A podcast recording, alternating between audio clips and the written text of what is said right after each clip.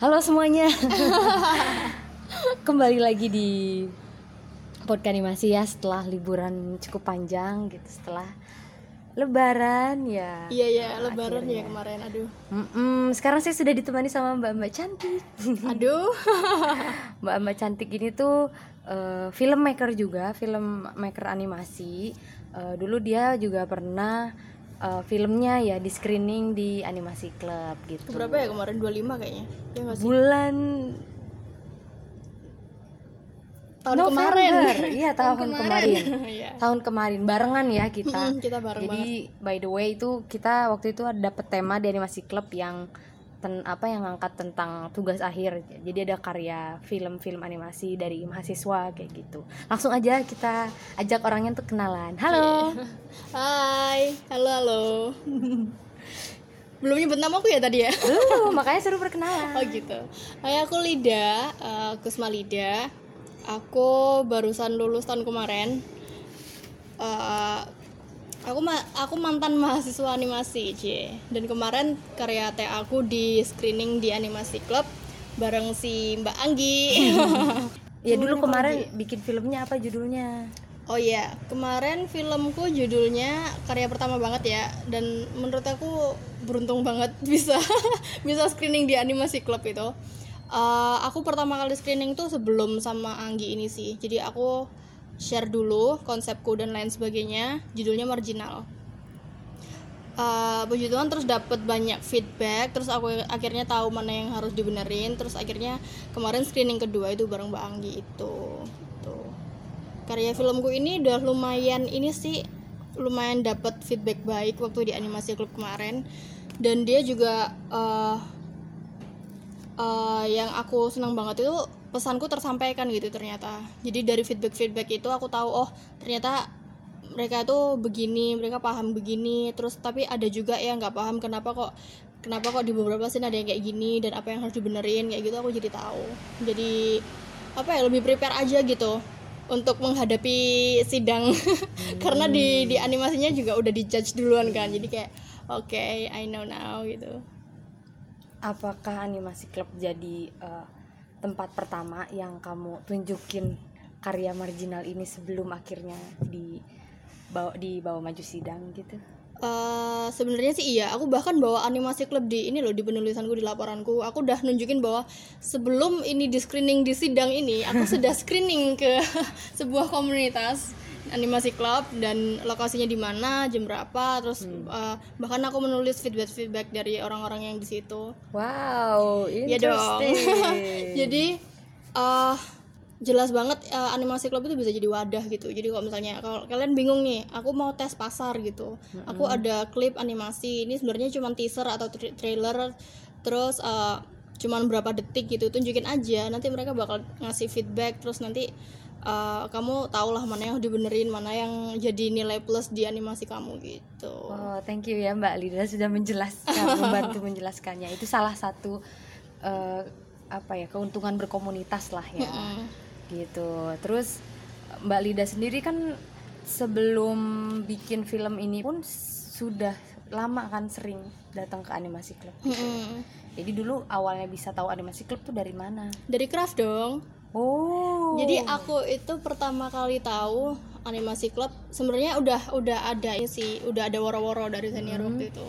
Tapi kayaknya senior itu pun nggak terlalu antusias gitu. Maksudnya eh, mungkin bukan style dia ya. Animasi club kan lebih ke eh, terbuka gitu, nggak selalu animasi yang idealis, yang industrial gitu kan nggak selalu. Cuman eh, pada zaman itu kakak kelasku tuh lebih interest ke animasi yang berbau industri yang idealis dan yang kayak gitu-gitu yang sedangkan aku lebih suka yang eh, bener-bener ada ekspresinya yang bener-bener eh, apa ya ngartsy lah istilahnya anak-anak sekarang tuh nah terus eh, waktu itu senior cuman ini aja sih cuman lihat ini loh ada ada Festival. komunitas heeh, ada ada Jadi nanti kita komunitas, bakal ngejelasin ya gitu, soal gitu. festival ini. gitu. Nah dia dia bikin festival gitu terus eh, seniorku ini aku bilang kan lo kan kamu ada karya kan kak? TA kemarin kenapa nggak di kenapa nggak dimasukin? Terus dia bilang aku masukin nggak? Gitu. Aku ikut terlibat nggak tahu nanti buat apa dia gitu. Tapi dia ikut submit bilang gitu. Terus ternyata pas aku ke sana karya dia di play di screen kecil gitu di layar kecil gitu di apa di sekitar situ. Terus juga em, pas aku di situ kan aku kan suka banget sama yang namanya film festival dan aku tuh dari aku sebelum memutuskan ikut animasi Mm-mm. aku tuh paling suka short film animasi yang nggak terlalu gamblang. Mm-mm. yang istilahnya nggak melulu ngasih tahu kalau habis A itu pasti B habis B itu pasti C gitu nggak. Tapi lebih banyak riddle-nya gitu. Nah aku tuh suka sama yang bikin mikir gitu animasinya. Dan dari dulu banget aku sebelum memutuskan jadi animator nih nggak nggak animator juga sih. Sebelum memutuskan jadi filmmaker aku aku bilang aku mau bikin film kayak gini tapi nggak tahu dari mana dulu. Makanya aku ambil animasi terus uh, senior terus uh, dengan info yang dia berikan itu juga apa ya itu jadi kayak wih ternyata ada festival animasi di Jogja yang bahkan internasional kan waktu itu. Terus juga film-filmnya juga banyak yang Eropa dan apa ya you know lah film-film kalau di festival kan biasanya nggak belum tentu ada di internet gitu kan belum tentu ada yang dipublish gitu nah itu kayak wah makanya aku ketagihan banget tuh dari hari pertama terus hari kedua datang ketiga datang bahkan seminggu full aku datang Wah, gokil. Nah, tahun ini kan juga bakal ada craft nih Mm-mm. bulan Oktober. wow Wajib dong datang karena kan sangat antusias sekali. pastilah itu. Oh, pasti jelas. pasti Yang ya itu yang tadi Mbak Lida udah jelasin juga maksudnya di di, di animasi klub dan craft gitu maksudnya bisa ngasih ngasih banyak wawasan kalau animasi itu benar-benar luas dari secara teknis ya kan? Iya. nggak cuman yang satu teknik dua teknik yang biasa kita cuman lihat di televisi ya. Iya, yang cuma diajarin di kampus nah kan? iya gitu. Jadi jadi satu wadah yang nggak bisa ngasih referensi kita gitu loh. Benar-benar film-film dari berbagai macam negara. Benar banget apalagi itu mereka udah maksudnya udah ada kontak langsung dari filmmakernya kan. Mm, iya. Nggak sembarangan. Jadi kayak yang ini belum tentu bisa diakses nah itu belum kayak oh, gitu. belum Itu tentu sih. bisa ditonton di tempat lain gitu kan. Jadi awalnya memang kenal dari craft dari tahu-tahu dari craft terus dari situ terus ngikutin ini ya updateannya animasi Iya, terus aku gitu. ngikutin update-nya terus ternyata bikin annual meeting gitu kan tiap bulannya ternyata bikin terus ya itu aku interest banget soalnya ternyata ada screening film-film lagi. Walaupun mungkin beberapa film aku pernah nonton tapi beda gitu rasanya. Kalau di beda lah kalian nonton di HP sama di laptop sama di screening layar tancap bersama teman-teman yang lain tuh beda rasanya. Gitu. Kalau masih inget nih udah berapa kali kira-kira datang ke animasi? Club bolong-bolong sih masalahnya. Tapi maksudnya tetap eh, aku juga sering kan ketemu mbak Lida. maksudnya tetap rutin walaupun nggak yang setiap bulan tapi berapa bulan sekali tetap datang kan ya. Lebih dari lima kali kali ya? Iya pasti ada gitu. Udah nongol berapa kali di foto ya? Iya. Karena kan pasti setiap eh, pemutaran selesai kita ada ritual foto bareng gitu. Iya mesti ada dokumentasinya itu. Hmm, oke gitu ya. Terus eh, kebayang nggak sih yang awalnya dari kamu cuman menikmati ternyata kamu bisa maju ke depan untuk eh, memperkenalkan karya kamu ke orang banyak lewat animasi klub gitu. Eh, yang jelas nggak nggak nyangka. Soalnya aku tuh mikir I wasn't worth it gitu loh. Aku kayak aku nggak siapa aku gitu loh buat duduk di depan dan mempresent mempresent apa mempresentasikan karya. Siapa aku gitu kan. Nah terus eh, ternyata mereka terbuka gitu. Mereka terbuka dengan yang sekedar konsep aja mereka terbuka apalagi yang udah jadi gitu dan mereka tuh nggak ngejudge gitu. Padahal aku mikir wah ini animasinya jelek banget. Wah ini karya pertama pasti banyak pasti banyak kesalahan pasti banyak yang nggak sempurna dan lain sebagainya. Ternyata kritik iya pasti. Tapi mereka lebih terbuka dengan ide-idemu gitu. Ternyata mereka lebih menghargai apa yang ingin aku utarakan apa yang berusaha aku ekspresikan. Itu mereka lebih lebih eh, membahas ke situnya gitu. Jadi aku kemarin seneng banget. Soalnya dari sebelum sebelumnya aku tiap tiap ketemu komunitas animasi tiap ketemu event acara apa yang berhubungan dengan animasi segalanya itu harus tentang orang-orang yang bisa gambar gitu. Bahkan kalau di kampus pun dosen pun sempat bilang "Kam- kalian kalau masuk animasi itu harusnya nanyanya harus bisa animasi atau enggak? Tapi ya harus bisa animasi. Eh salah. Kalau mau uh, masuk ke animasi harus udah bisa gambar apa enggak? Tapi enggak. Tapi dosen dosen bilang ya kalian bisa nggak bisa harus gambar karena gambar tuh komponen utama animasi gitu. Cuman yang jadi poin utama di sini adalah ketika aku di animasi klub ini gaya gambar tuh banyak gitu. Ternyata pilihan gambar tuh banyak pilihan visual tuh banyak visu, uh, pilihan teknis itu banyak banget. Jadi uh, lebih ke lebih ke terjun ke lapangan kali ya. Jadi kalau ke sebelum sebelumnya kalau ngomongin animasi sama orang yang dari animasi langsung tuh mereka pasti uh, ngomongnya udah yang industri banget tapi begitu masuk ke animasi mereka tuh lebih kayak jalan aja dulu gitu kerjain aja dulu udah bikin animasi nggak melulu harus bisa gambar gitu dan emang terbukti dari filmmaker yang udah pernah didatang, didatangkan langsung oleh animasi club itu juga mereka selalu bilang nggak harus bisa gambar yang yang penting ada cerita dan kamu bisa visualisasi ada dan bisa gerakin udah itu jadi animasi gitu hmm. jadi ya apa ya selain selain perjalanannya aku yang cuman ikut-ikut habis itu uh, ikut-ikut ngasih feedback lah ya pastinya. Terus aku dari bela dari belajar banyak itu jadi kayak semacam termotivasi gitu kan. Jadi kayak oh berarti aku bikin TA pun nggak usah susah-susah gitu. Aku kemarin mikirnya gitu. Makanya kalau dilihat kan karya TA aku tuh yang paling nggak nggak niat gambarnya di antara animasi yang lain tapi malah oh, nggak juga saya juga tapi malah yang aku heran dan dosen-dosenku heran uh, ternyata malah bisa masuk kemarin ke ini semifinalis di Gigon Six Asia wow, regional Indonesia. Lah, itu satu padahal, pencapaian loh. Padahal itu gambarnya ngawur banget itu kemarin. Uh, dan apa ya? Fokus aja kali ya. Jadi di di animasi klub itu aku jadi tahu kayak aku mungkin um, gambarnya nggak sempurna gitu sih gambarnya nggak idealis. Tapi kalau selama aku punya ide aku punya apa yang disampaikan dan aku uh, bisa membuka pikiran untuk gaya gambar yang lain gitu misal untuk tata cara yang lain teknis yang lain aku bisa gitu menjadi make it happen gitu Ci. Intinya percaya diri aja ya. Maksudnya setiap karya ada tempatnya. Mm -mm. nah itu. Karena ya by the way kan aku sama Lida juga sama-sama uh, show istilahnya yeah. show off karya juga nah, di sana itu uh, ya.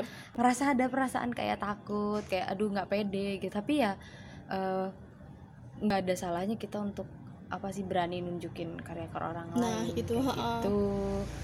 Walaupun emang pasti ngelihat di luar sana pasti udah ada standar orang-orang yang nah, kayak gimana kan. yeah, pasti kadang kita nggak pede sama punya sendiri. Mm -mm, cuman bener. ya by the way ya ya udahlah berani aja lah untuk apa namanya berekspresi mm -mm. Gitu. malah di animasi klub ini aku sadar banget gitu bahwa setiap karya itu mau seabsurd apa pun kamu tuh punya nilai plus di, di uh, karyamu sendiri makanya kemarin akhirnya ya bener aku aku kan orangnya lebih lebih pandai buat cerita ya makanya aku lebih nonjolin ke ceritanya ke riddle-nya gitu daripada ke visualnya karena aku emang mau nunjukin aku strongnya di story gitu nah dan di animasi klub ini juga ngasih referensi banyak gitu referensi yang yang bukan yang idealis yang yang referensi yang justru bikin kita makin liar gitu. Aneh kan referensi kan biasanya bikin kita malah terjerus kepada suatu titik gitu kan hmm. suatu style atau apa gitu. Tapi di animasi klub ini malah justru terbuka. Kayak segala pilihan tuh banyak gitu. Kayak udah kerjain aja kan bisa kayak gini gini gini pilihannya banyak udah kerjain aja gitu. Ah iya. Terus perasaanmu gimana nih menjadi speaker dengan filmmu sendiri di depan banyak orang gitu perasaanmu yang biasanya kamu cuman mengkritik atau memberikan uh, komentar sama satu karya sekarang hmm. kamu sendiri yang bicara di depan how it feels like kalau kamu kemarin gimana ditanya balik and by the way juga di luar ekspektasi aku sih maksudnya pengunjungnya oh, sampai membludak sih. membludak gitu kan iya, 100 itu ramai banget 100 ya. lebih gitu padahal biasanya cuma 70 60 gitu ya kan? standarnya 50 ke atas 50 lah. ke atas ya jadi di luar ekspektasi sih kayak wow seneng gitu loh bisa hmm. banyak yang datang buat ngeapresiasi dan yang paling aku suka over it all hmm. itu kemarin aku ketemu sama filmmaker lain dong nah, iya. jadi kayak kita bisa ngobrol kita jadi kayak eh ih karyamu kayak gini keren banget iya terus kita ngobrol akhirnya apa ya menurutku yang penting itu sih koneksi antara satu filmmaker dengan yang lain yang biasanya kita cuman ngelihat doang tanpa tahu doang, orangnya nah. secara langsung kan yeah. bisa ketemu sutradaranya ha, gitu. nah. bisa ngobrol langsung bisa ngegali hal apa sih yang akhirnya bisa bikin dia bikin karya itu nah gitu juga eh, yang pasti tips and triknya beda lah ya Iya. person to person atau Eh, punya cara yang dari- beda-beda nah, gitu. kalau dari kalau kita misalnya kita menilai suatu film tapi menurut pandangan siapa itu kan beda sama yang dari filmmakernya langsung itu kan beda ya itunya itulah salah satu keuntungannya berkomunitas ya. Mm-mm. bisa ketemu langsung iya, ter- networkingnya itu. bisa saling bertukar pikiran. Nah. Ini menurut aku ya aku sih merasa butuh banget sih. Maksudnya eh, penting banget lah eh, bisa ada animasi klub dan bisa ikut terjun langsung lah. Dulu kan aku juga cuman jadi ini kan apa ya pengunjung reguler datang ke situ kadang Iya. ngisi ya waktu itu tahun kemarin itu sekarang bisa ngerasain langsung lah di animasi klub kayak gimana gitu. Exactly. Nah tapi yang, aku kerasa banget itu ya itu tadi sih aku dari yang nggak pede sampai ke pede tadi loh. Dari yang nggak punya karya jadi punya karya. Yang menariknya lagi kan kalau bagi aku ya pas Mm-mm. film kita diputar dilihat orang banyak ada hal-hal yang eh, buat aku itu A tapi buat orang lain bisa B oh sampai iya Z. itu membuka pikiran banget Heeh, benar Maksudnya setiap orang tuh perspektifnya beda-beda. interpretasinya beda-beda Iya, dan itu. ada yang salah gitu ya Iya. kan Menariknya di situ semakin banyak yang ngasih perbedaan interpretasi tuh Mm-mm. menariknya di situ sih bisa ketemu oh dia dia bisa mikir sampai ke sana ya Iya, padahal aku heeh, mikir ke sana nah itu gitu. bener banget to be honest aku eh, semacam sedikit merendahkan orang Indonesia ya jadi orang Indonesia tuh apa-apa sel- selalu didulang selalu disuapin selalu yang animasi tuh harus ada jelas-jelas black apa di akhir animasinya harus jelas-jelas ada quotesnya apa gitu aku selama ini mesti kayak gitu Mm-mm. jadi kalau eh, ada orang nanya ke tentang filmku apa gitu, aku nanya dulu. Oke, kamu nonton dulu. Kamu nonton dulu. Menurutmu gimana? Nanti eh, kalau emang terlalu jauh nih, baru aku enggak maksudku tuh kayak gini, gini, gini, gini. Oh iya. Soalnya emang orang Indonesia kan terbiasa apa-apa dite- ditelan harafiah ya. Jadi kemarin tuh aku ada satu simbol atau tanda apa ya visual yang aku takut banget bakal salah interpretasi.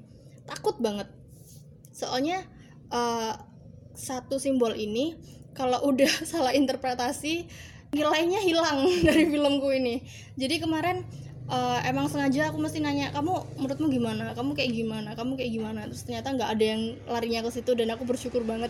Tapi kalau sampai ada yang begitu nah di situ aku harus speak up. Soalnya di Indonesia ini menurut aku yang ya karya seni itu susah berkembang. Soalnya Indonesia tuh ignorance satu.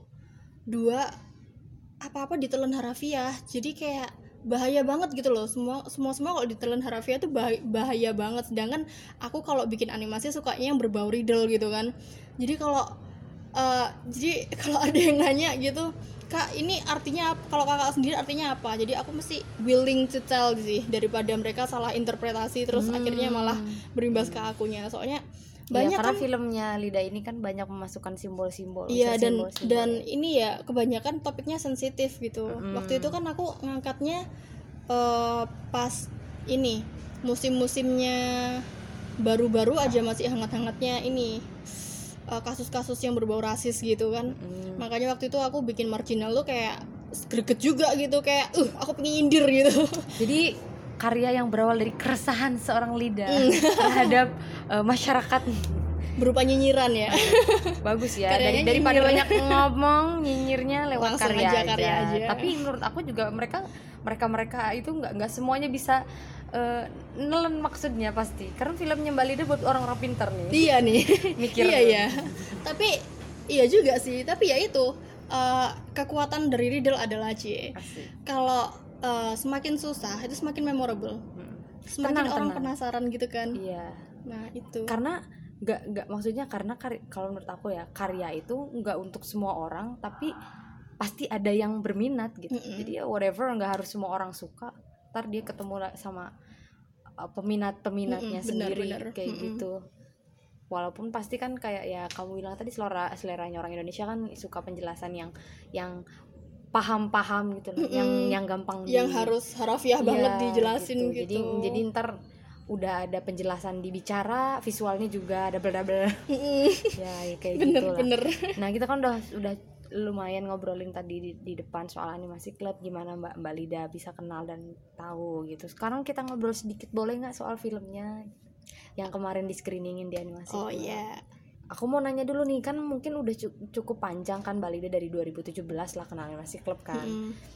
ada beberapa hal nggak sih setelah di animasi klub yang akhirnya mempengaruhi karyanya Mbak Lida gitu kayak ada terinspirasi gitu. banyak Hmm. jadi eh, jadi gini aku tuh percaya kalau suatu karya itu nggak harus yang 12 prinsip animasi dipakai semua gitu nggak jadi eh, yang kemarin trigger banget kenapa aku bisa jadi film karya animasinya itu karena aku memakai trik-trik yang yang ad- yang selama ini ditunjukin di video-video yang di screening di animasi club gitu.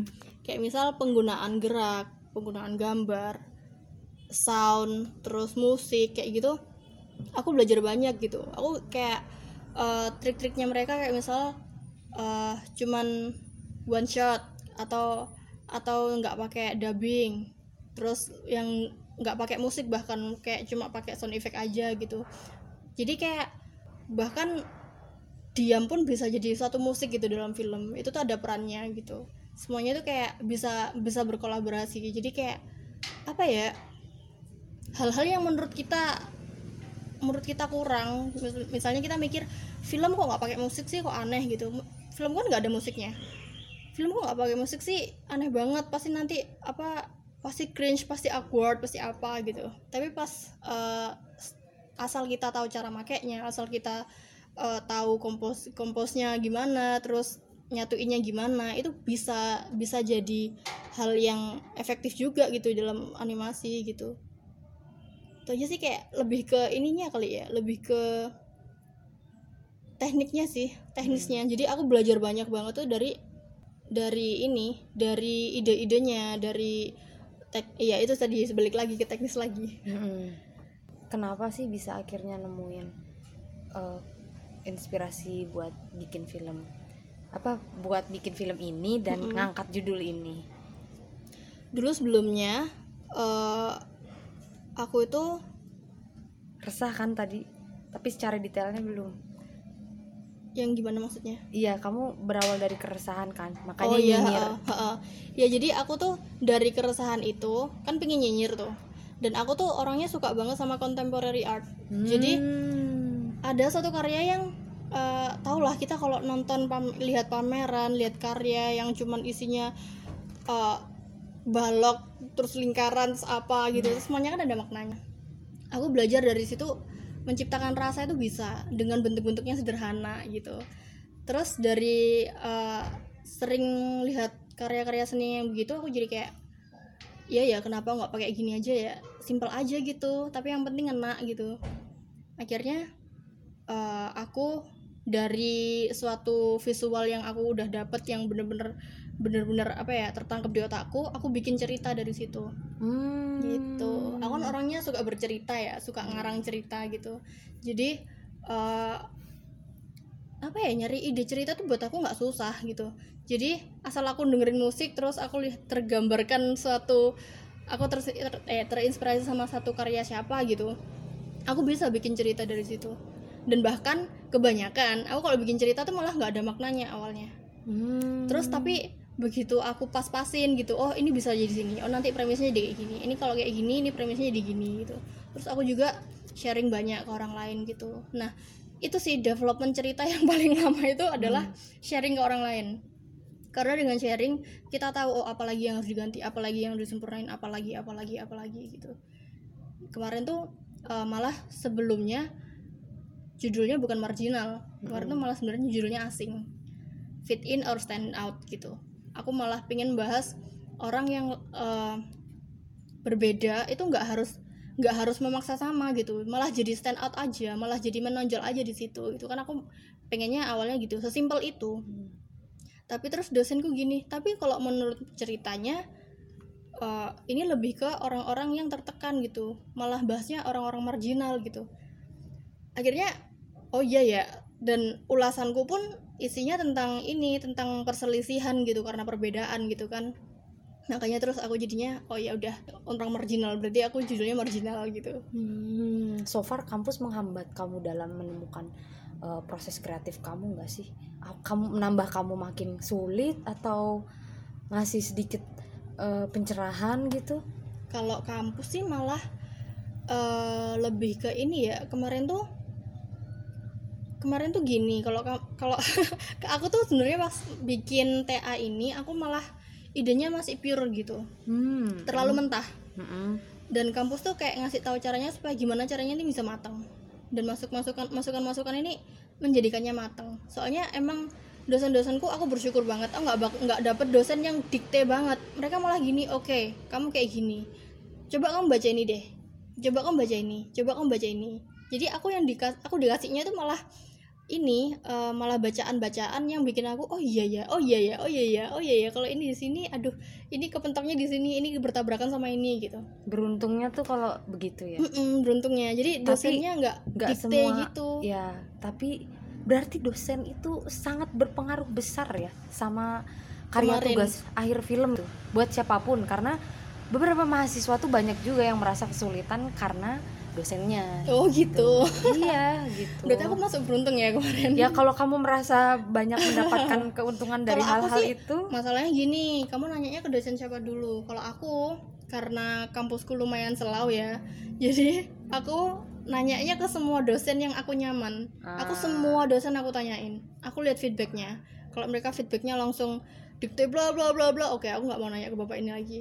Terus ke ibu ini bla bla bla oh iya aku suka sama dosen ini ya udah jadi Terus kamu sama- tuh nggak menutup diri ya maksudnya Iya, jadi untuk melihat nggak- hal apa pun Nah, aku nggak melulu nggak melulu harus dosen pembimbingku gitu. Justru aku aku nyari backupan dulu. Aku nanya ke dosen siapa dulu, terus ber- terakhir aku kumpulin baru aku tanya ke dosen pembimbing, Pak, aku ada ide ini. Kemarin eh, risetku gini gini gini gini. Oh iya, oke, nanti tinggal kurang di apanya. Malah dosen pembimbingku kemarin lebih banyak ke tata caranya ngajarin ke tata caranya. Kalau untuk yang pemikiran ide-ide visual dan lainnya itu malah bukan dosen pembimbing yang ini. Dosen pembimbingku ya balik lagi kalaupun ditanyain pak saya bingung nyari mak ini nyari visualnya apa ya? Ini tuh lambangnya ini apa sih pak? Ininya apa sih pak? Kayak gitu. Bapaknya do kamu bacalah gitu. Coba peka sama sekitar pasti ngomong gitu. Coba peka kamu lihat hijau yang kamu bayangin apa? Kamu lihat merah yang kamu bayangin. Nah, peka tuh bukan berarti harus uh, sensitif dengan perasaan Hmm, sesama bukan manusia bukan itu aja. baper beda lagi di luar di luar ini nih di kehidupan kita itu Nah. banyak banget yang bisa kita Nah. perhatikan itu jadi be be apa namanya be aware be sensitive gitu. Mm-mm. lihatlah daun tanah apa udara karena sebenarnya air. seni itu ada di sekitar kita cie tapi bagaimana cara kita ngelihat hal itu ya Nah, pasti beda-beda ya apa perannya kampus di aku Hmm. perannya kampus adalah dalam bikin film itu nggak melulu tentang teknis. Tapi konsep itu juga perlu. Risetnya itu kemarin aku benar-benar belajar dari kampus. Padahal kalau dipikir-pikir ngapain sih lid kan aku kan sekarang aku ada aku kan sekarang ada project eh, mau bikin animasi lagi juga uh kan. asik. Dan aku masih tahap riset. Hmm, dan aku risetnya nah, aku risetnya lama banget. Terus eh, temen aku tuh sampai gini kamu ngapain sih susah-susah? Ini kan bukan TA gitu. Bikin bikin aja. Toh juga nanti kalau emang buat festival ya tinggal masukin. Kalau misalnya buat buat sosmed ya udah tinggal diiniin. Nggak nggak usah bawa bawa nama kampus nggak usah pakai riset bla bla bla. Terus aku gini iya sih tapi kalau nggak pakai riset nanti karyaku dangkal. Aku bilang gitu. Bener kan? Soalnya kita kalau bikin suatu karya terus di di anuin ke sidang kayak yang kemarin di judge gitu kayak masa penghakiman gitu ditanya ini kenapa gini? Ini kenapa gini? Ini kenapa gini? Kan kita itu cuma sebatas di depan dosen gitu. Tapi nanti kalau udah ketemu di masyarakat itu lebih banyak yang bercerca gitu. Aku tuh mikirnya gitu. Makanya ini bakal lebih banyak lagi kepala-kepala yang berpikir dan menginterpretasikan dan lain-lain. Makanya aku oke berarti aku kalau bikin karya aku mau tata caranya kayak di TA kemarin gitu. Soalnya memang yang di TA kemarin tuh kayak membantu banyak banget. Aku sampai sekarang kalau misalnya aku bingung nih bikin background. Oh aku bikin background aja masih belum ini masih belum ke gambar visualnya. Berarti ceritaku belum ini berarti ceritaku belum matang. Aku mesti gitu. Akhirnya aku riset lagi referensinya di mana lagi gitu.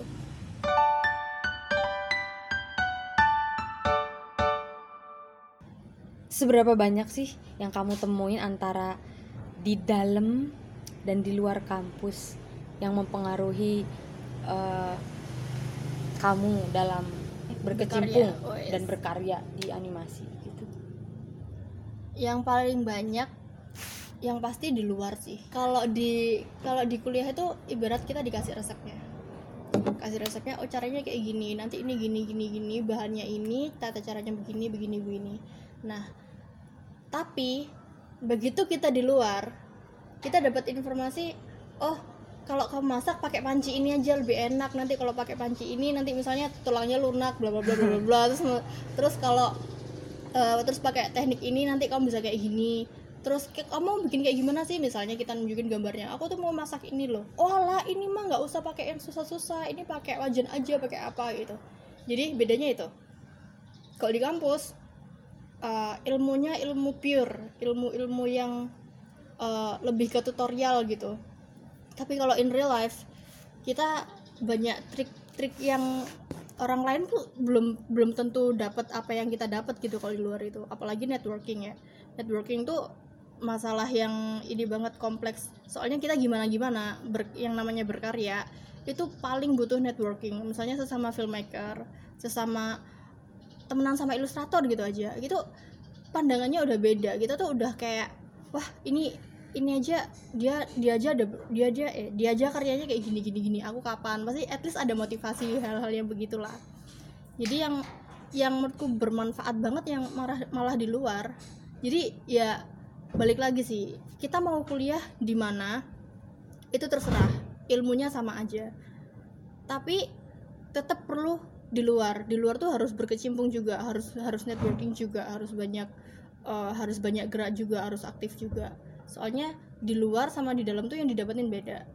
Tapi balik lagi kita nggak bisa juga cuman kenalan doang terus belajar otodidak doang. Kalau otodidak kalau niat sih nggak apa-apa. Kalau aku sih nggak bisa ya.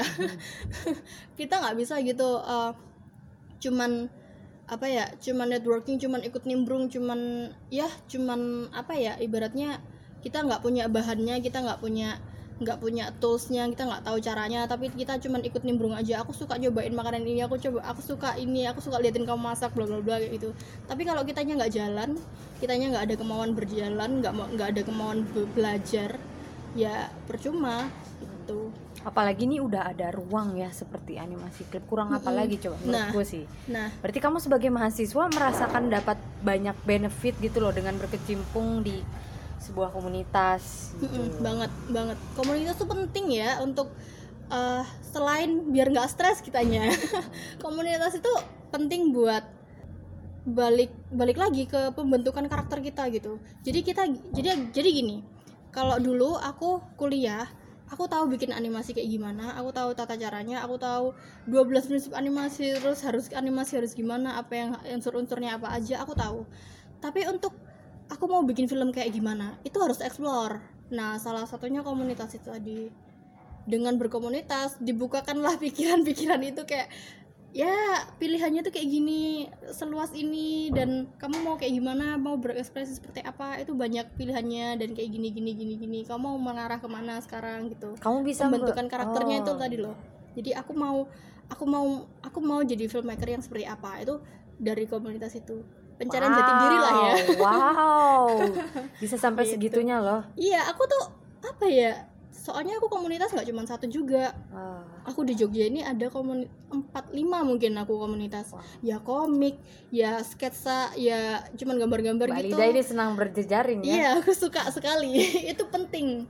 Terus an- animasi juga gitu. Jadi uh, bahkan kalau aku ada komunitas fotografi dan aku ada kamera mungkin aku bakal ikut juga. Aku tuh suka mencoba hal baru sih itu tadi. Jadi aku tahu harus fokusnya ke mana terus wawasanku juga luas kenalanku luas. Jadi ketemu sama orang pun obrolannya tuh juga ke mana-mana gitu. Jadi kayak kita idenya jadi banyak banget gitu kan. Itu pentingnya komunitas. Harus harus semua orang harus berkomunitas harus punya komunitas. Seandainya nggak ada komunitas kamu mau gimana Lid? kalau nggak ada komunitas gimana ya? Mungkin aku bakal berkomunitas sendiri. Jadi uh, find your way.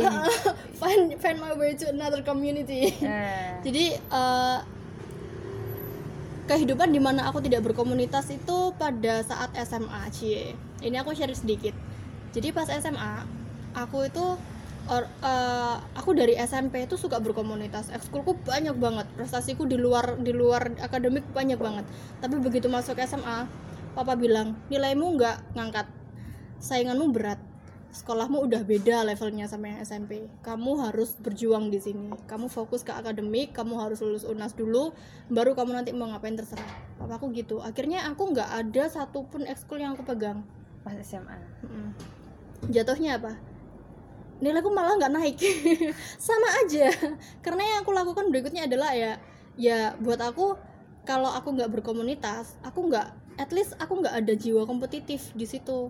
Jadinya aku merasa kayak ya udah sih aku nggak ada nggak ada ini juga. Paling sainganku eh yang paling yang pengen aku kalahin cuma teman-teman kelas gitu kan.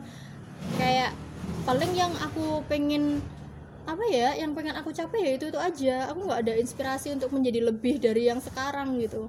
Akhirnya ya terus eh akhirnya aku gimana pun caranya aku berpikir aku harus punya komunitas satu aja aku ngerayu tuh bapak pak aku mau ikut. Gini kamu apa? Aku mau paduan suara bilang gitu. Oke paduan suara ternyata terlalu berat. Akhirnya aku pindah pak aku mau eh nari Jawa aja deh gitu. Nari Jawa itu kayak komunitas paling tidak dilirik gitu pas SMA waktu itu. Ya udah aku nari Jawa. Tapi malah justru aku menemukan kesenangan di situ kan ketemu teman lagi ngumpul banyak ngobrol banyak banyak sharing. Terus juga dari aktivitas-aktivitas yang dijalanin bareng itu apa ya ada sebuah pikiran untuk visi misi bareng sih. Jadi kayak kita tuh punya kesamaan visi gitu. Menyamakan satu visi dengan yang lain tuh bikin kita bisa teamwork akhirnya. Nah itu yang penting. Soalnya begitu kita ada teamwork kita tuh kayak nggak cuma mikir ini nggak cuma baik untuk aku sendiri gitu tapi ini juga baik buat orang lain gitu. Nah dari dari nilai-nilai komunitas kayak gitu aku akhirnya mikir begitu begitu lulus SMA aku nggak mau plan-plan aja. Aku komu- aku berkomunitas lebih berkembang daripada tidak berkomunitas. Aku eh, kalau nggak berkomunitas ya udah aku tahu ilmu pakem. Wah aku keren aku jenius bla bla aku tahu banyak gitu. Tapi buat apa? Aku nggak bisa share aku nggak bisa ngobrol. Aku nggak bisa dapat ide-ide yang lain. Aku nggak bisa dapat ilmu dari orang lain. Aku nggak bisa kerja bareng orang lain buat apa gitu. Akhirnya begitu kuliah dan di Jogja banyak banget komunitas aku ikutin tuh semua yang aku temuin. Dan ya itu feedbacknya. Jadinya kita punya karakter. Kita mau berkarya mau seperti apa? Kita mau uh, jadi orang yang seperti apa? Kita mau pesan-pesan apa sih yang mau kita sampaikan kayak gitu? Oke, jadi selain uh, kita berhubungan kan di komunitas ketemu Mm-mm. banyak orang, Yep. kita komunikasi sama mereka gitu. Bentuk dukungan kamu itu dengan komunitas tuh kayak gimana sih, Lid? simple sih sebenarnya aktif aja udah Bentuk aktifnya kamu tuh kayak gimana nih? Eh, macam-macam kan setiap komunitas kebutuhannya beda kayak misal eh, nggak selalu harus yang harus ikut kepanitiaannya kepanitiaannya apa terus apa gitu ikut menghidupi gitu aja udah cukup sebenarnya kayak misal eh, komunitas bikin eh, event terus be- nggak nggak susah banget sih kalau bikin event itu kayaknya bahasanya Sorry ya guys, Bilang ini aja. lagi sorry sorry lagi di di, di outdoor gitu. Jadi ya maafkan kalau ada macam-macam suara.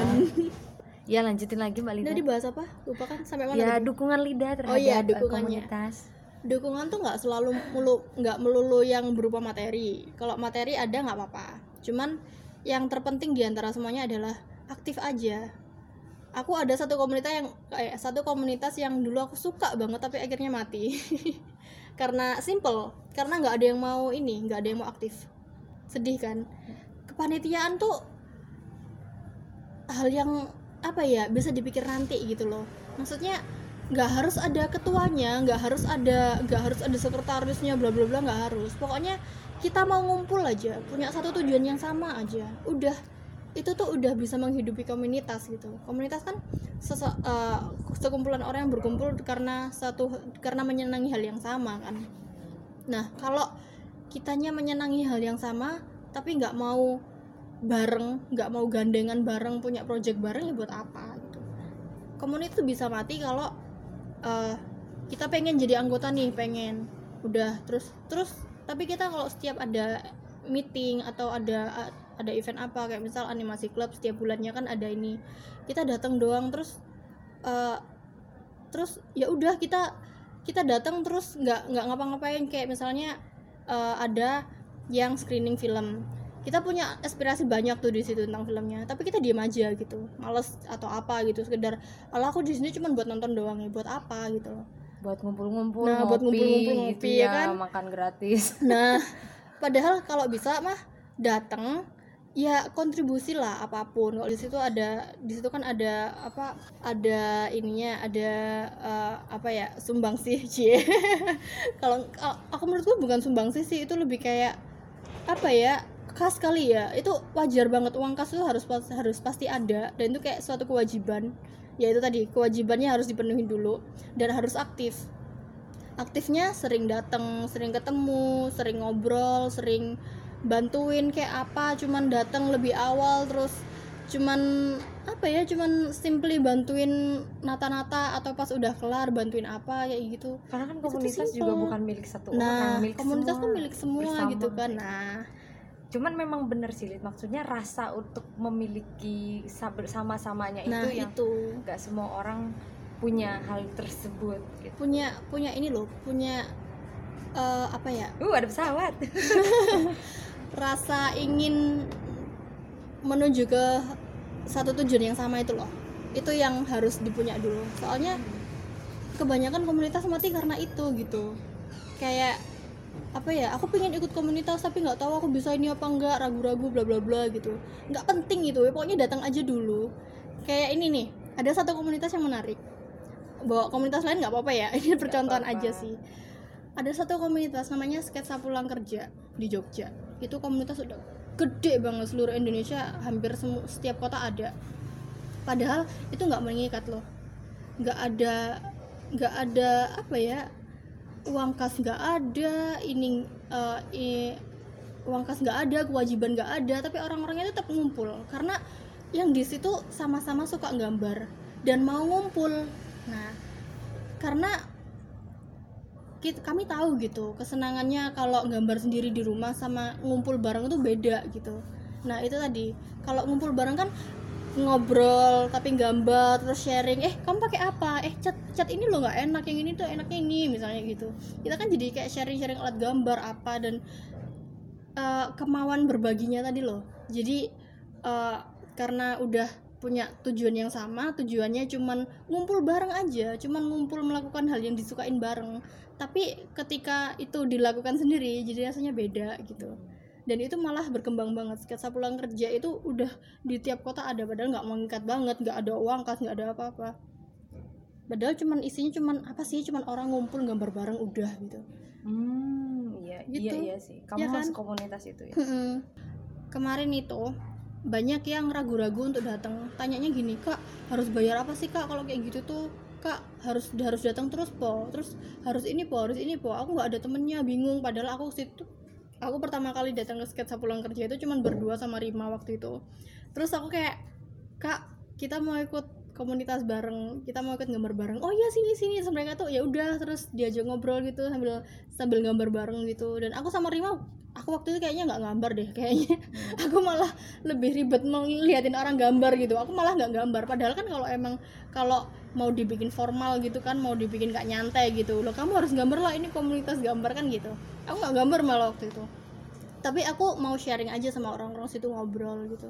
Dan mereka terbuka. Nggak apa-apa nanti juga pengen gambar kamu gitu. Dan tetap orang kalau mau ke situ ya tetap gambar akhirnya. Hmm, gitu. Tuh sampai sekarang masih? Sampai sekarang itu dan makin lama makin rame aku lihat. Padahal nggak nggak mengikat nggak ada nggak ada kewajiban nggak ada apa kayak ya itu kayak gitu emang enak sih karena nggak ada tanggung jawab Lin. Mungkin karena itu ya. Tapi kita apa ya tapi tetap mereka tuh ada orang yang ini tetap ada orang-orang itu aja yang selalu datang itu tadi loh.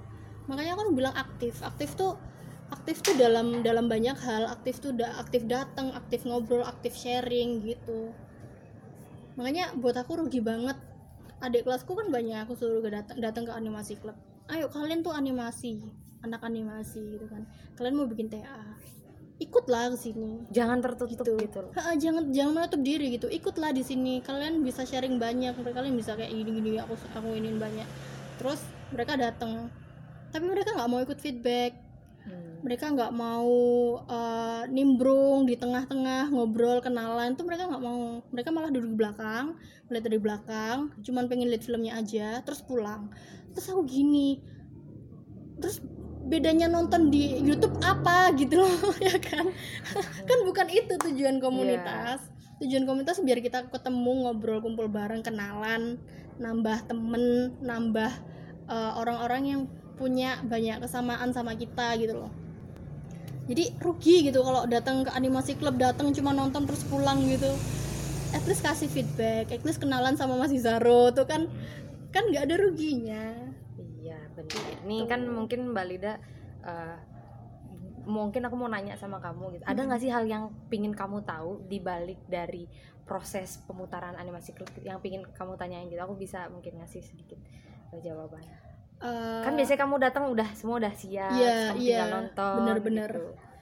eh, kepanitiaan sih yang pasti sebenarnya kalian ini enggak sih eh, tertutup nggak sih kalau misalnya ada orang lain pengen ikut bantuin gitu Oh tidak, Tidak. siapa pun. soalnya yang aku lihatnya kalian tuh kayak kompak banget kayak ini jangan-jangan mereka dari satu wilayah yang sama deh gitu aku tuh mikirnya kalian dari satu satu kampus yang sama atau dari satu ini satu uh, Nah ini ya, menarik nih. Aku pengen tahu yang sama, persis yang kamu gitu. Jadi lihat kayak gitu. yang aku lihat jadi seakan bukan bukan hal yang negatif juga sih. Ya. tapi karena saking kompaknya kalian jadi sampai mikir kalau aku pengen join bakal diterima nggak ya? Aku sampai mikir gitu. Soalnya takut kalian tuh udah kayak keluarga yang bener-bener klop gitu sampai kompaknya begitu sampai aku pengen join tapi aku takut nggak bisa keep up. Aku tuh sampai kayak gitu. Kenapa Saking- kamu tidak bertanya? Asik.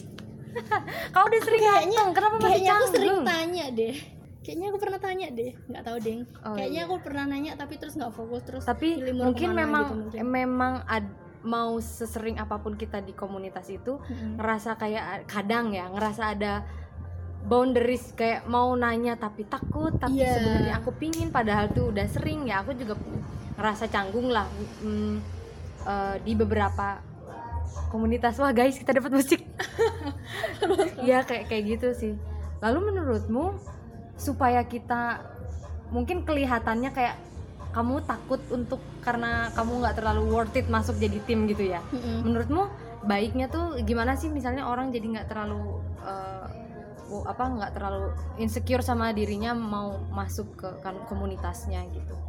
Ada nggak misalnya cara dari kamu ngasih pendekatan atau dari pihak komunitasnya harus kayak gimana gitu?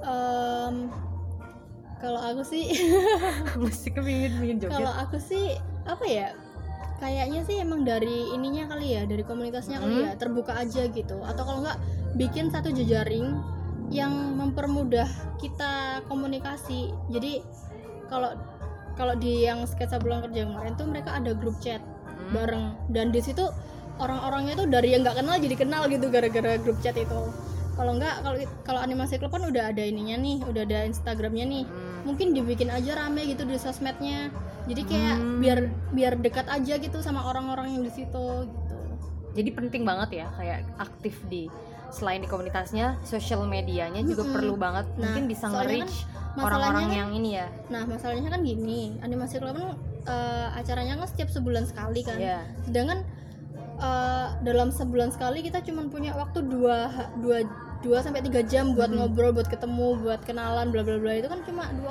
punya ada waktu segitu jadi eh, biar kita lebih connected lagi kan caranya ya di sosial media itu tadi tapi kadang ngerasa useless juga sih nanti Gimana? tuh yang aktif cuman itu itu doang yang lain tuh cuman jadi silent reader doang gitu ada ya beberapa Oh, yang iya. kayak Ha. gitu Ha, kan ha, bener. walaupun aku juga memang udah kepikiran dari lama pingin bikin uh, grup Mm-mm. di situ kalau kalau itu kan berarti ada ada apa namanya kepikiran itu juga kan maksudnya kamu ya kan ya Mm-mm, bener. Kalau gitu gimana kalau Mbak Lida jadi megang Jangan, sosial uh, medsosnya Medsos admin gitu ya, aduh. gitu bikin postingan. Nih terbuka juga loh. Lida kan emang seneng ba- banyak baca buku seneng nulis juga. Mm-mm. animasi klub kan ada website Mm-mm. ada ada ada ruang untuk siapa pun menulis artikel di situ. Oh. Mbak Lida jadi bisa apa namanya eh, share tulisan Mbak Lida di situ.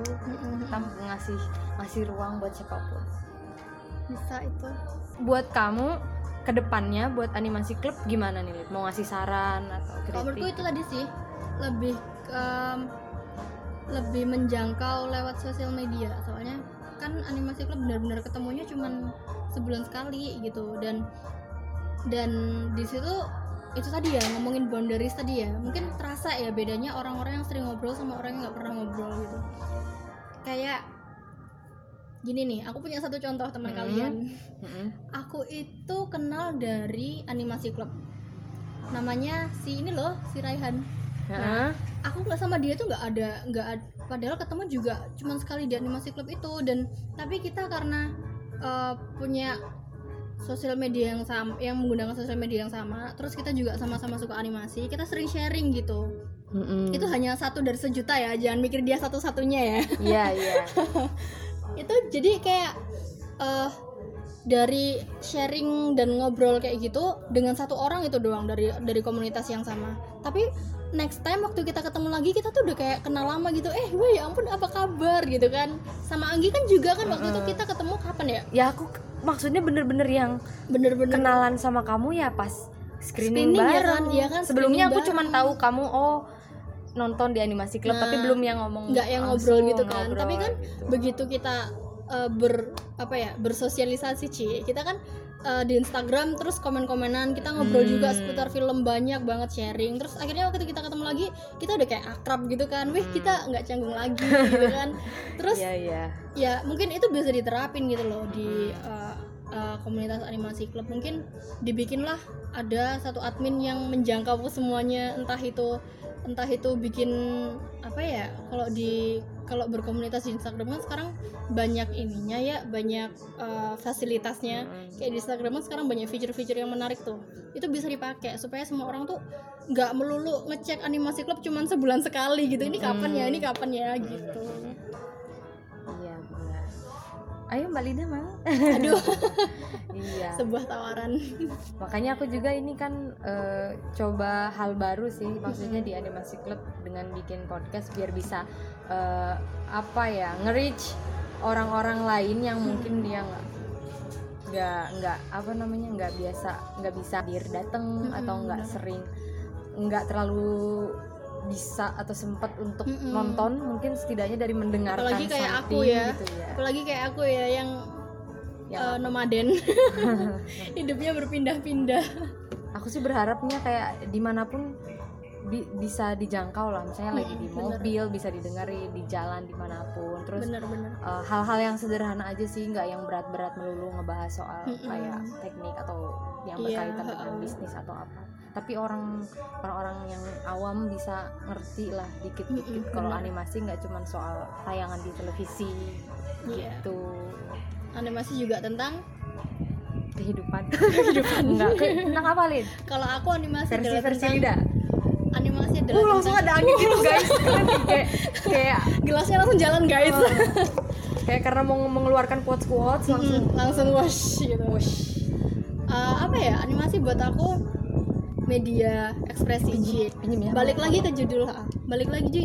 balik ke judul saya aku ya media ekspresi gitu. Buat aku animasi adalah cie yaitu di sini media, media nyinyir. Ini aku media, foto sekali ya.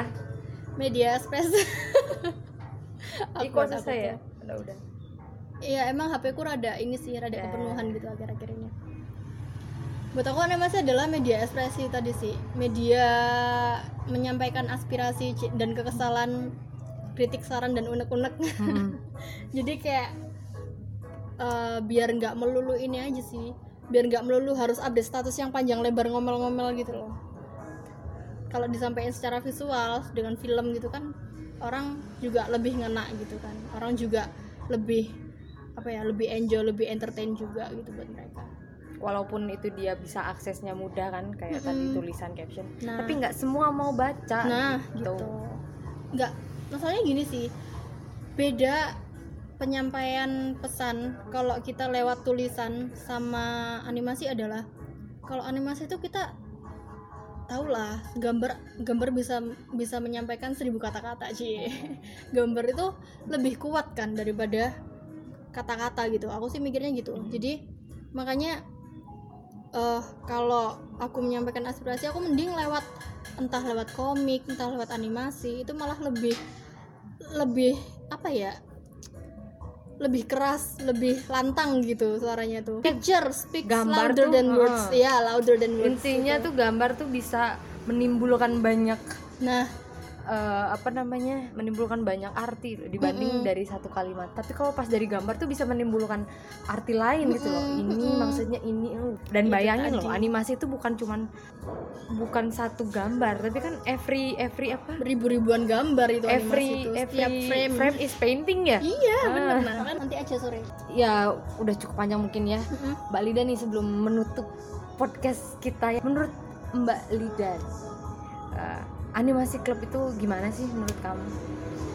Animasi klub adalah uh, suatu komunitas yang benar-benar mengerti diriku.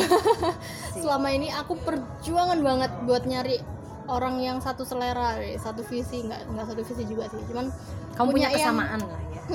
Punya kesamaan selera denganku itu susah gitu. Selama ini aku kalau bahas animasi ke orang lain tuh bahasanya berat-berat gitu harusnya kayak gini harusnya kayak gini harusnya kayak gitu harusnya yang idealis bla bla bla gitu.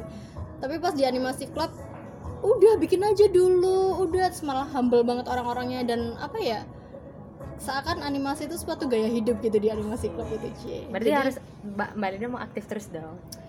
Amin. Ntar ntar harus, harus. seumpamanya. Aku akan selalu aktif. Seumpamanya nanti bakal ada grup join dong pasti di dalamnya. Pasti, masuk ke harus. animasi club. Ya dong oke makanya doain biar aku nggak ke mana-mana biar nggak jauh-jauh nggak jauh-jauh dari. Jogja gitu Iya. ya Ha-ha. berarti ditunggu nih next karya film animasi yang Mbak Lida amin one day kita bakal Pasti. diskusiin gitu. ya pasti aku juga kalau teasernya keluar aku pasti kabarin nih aku ada trailer ada teaser nih kalian mau bahas nggak gitu pasti Oke gitu. Makasih banyak ya Mbak Lida. Kayaknya Iya. asik banget ngobrol dari tadi nggak kerasa loh nyambung ke mana-mana. ya ampun luas banget ya Iya, intinya tuh bahasanya. penting berkomunitas gitu karena Lida sendiri ngerasain Mm-mm. eh, banyak mendapatkan hal-hal tuh justru dari luar kan. gitu. nah dan berkomunitas jangan cuma datang doang Nah, aktif, aktif kontribusi. kontribusi Siap, sharing gitu. kenalan ngobrol jangan cuma datang nonton pulang apaan itu sama aja nonton di YouTube Udah gitu datang pulang nyampah lagi. iya Oke oke. paling paling mentoknya juga ini update doang aku lagi di animasi club gitu Itu juga nggak seberapa yang pengikutnya Makanya. dia Nah, gitu. itu Belum tentu ntar yang lihat bakal datang dan apresiasi ke situ ya. iya itu salah satu cara mengembangkan suatu komunitas juga ajak-ajak temen itu penting Ajak-ajak banget temen. ajak-ajak temen itu penting Oke. juga itu Nih, minggu depan bakal ada animasi klub ya, teman-teman. Jangan lupa tanggal 29 Juni temanya film animasi Prancis. Wes, itu aduh aku sayang banget ya Ah, Lida udah keburu keluar Aku- Jogja. iya aduh aku udah jalan-jalan Yang penting nanti pestanya. Jangan lupa ya harus datang keras harus keras bulan Oktober. harus Oke. banget Jadi teman-teman, mungkin next eh, udah sering nyebut banget nih aku soal craft craft craft mungkin yang dengerin kayak apa sih nih craft nanti aku bakal ngobrol-ngobrol sama festival direkturnya oke jadi asik Stay tune. Oke, Mbak Lida ada lagi yang mau disampaikan sebelum ini ditutup? Aku mau nyampein buat par- buat para filmmaker eh, satu itu tadi ya jangan malas berkomunitas apalagi komunitasnya macam animasi klub ini kalian harus mesti harus datang Eh, dan jangan ragu buat mencari networking itu sih karena itu penting banget oke itu aja sih Sip, terima kasih Mbak Lida. Yoi. Sampai ketemu lagi di podcast masih selanjutnya. Bye. bye bye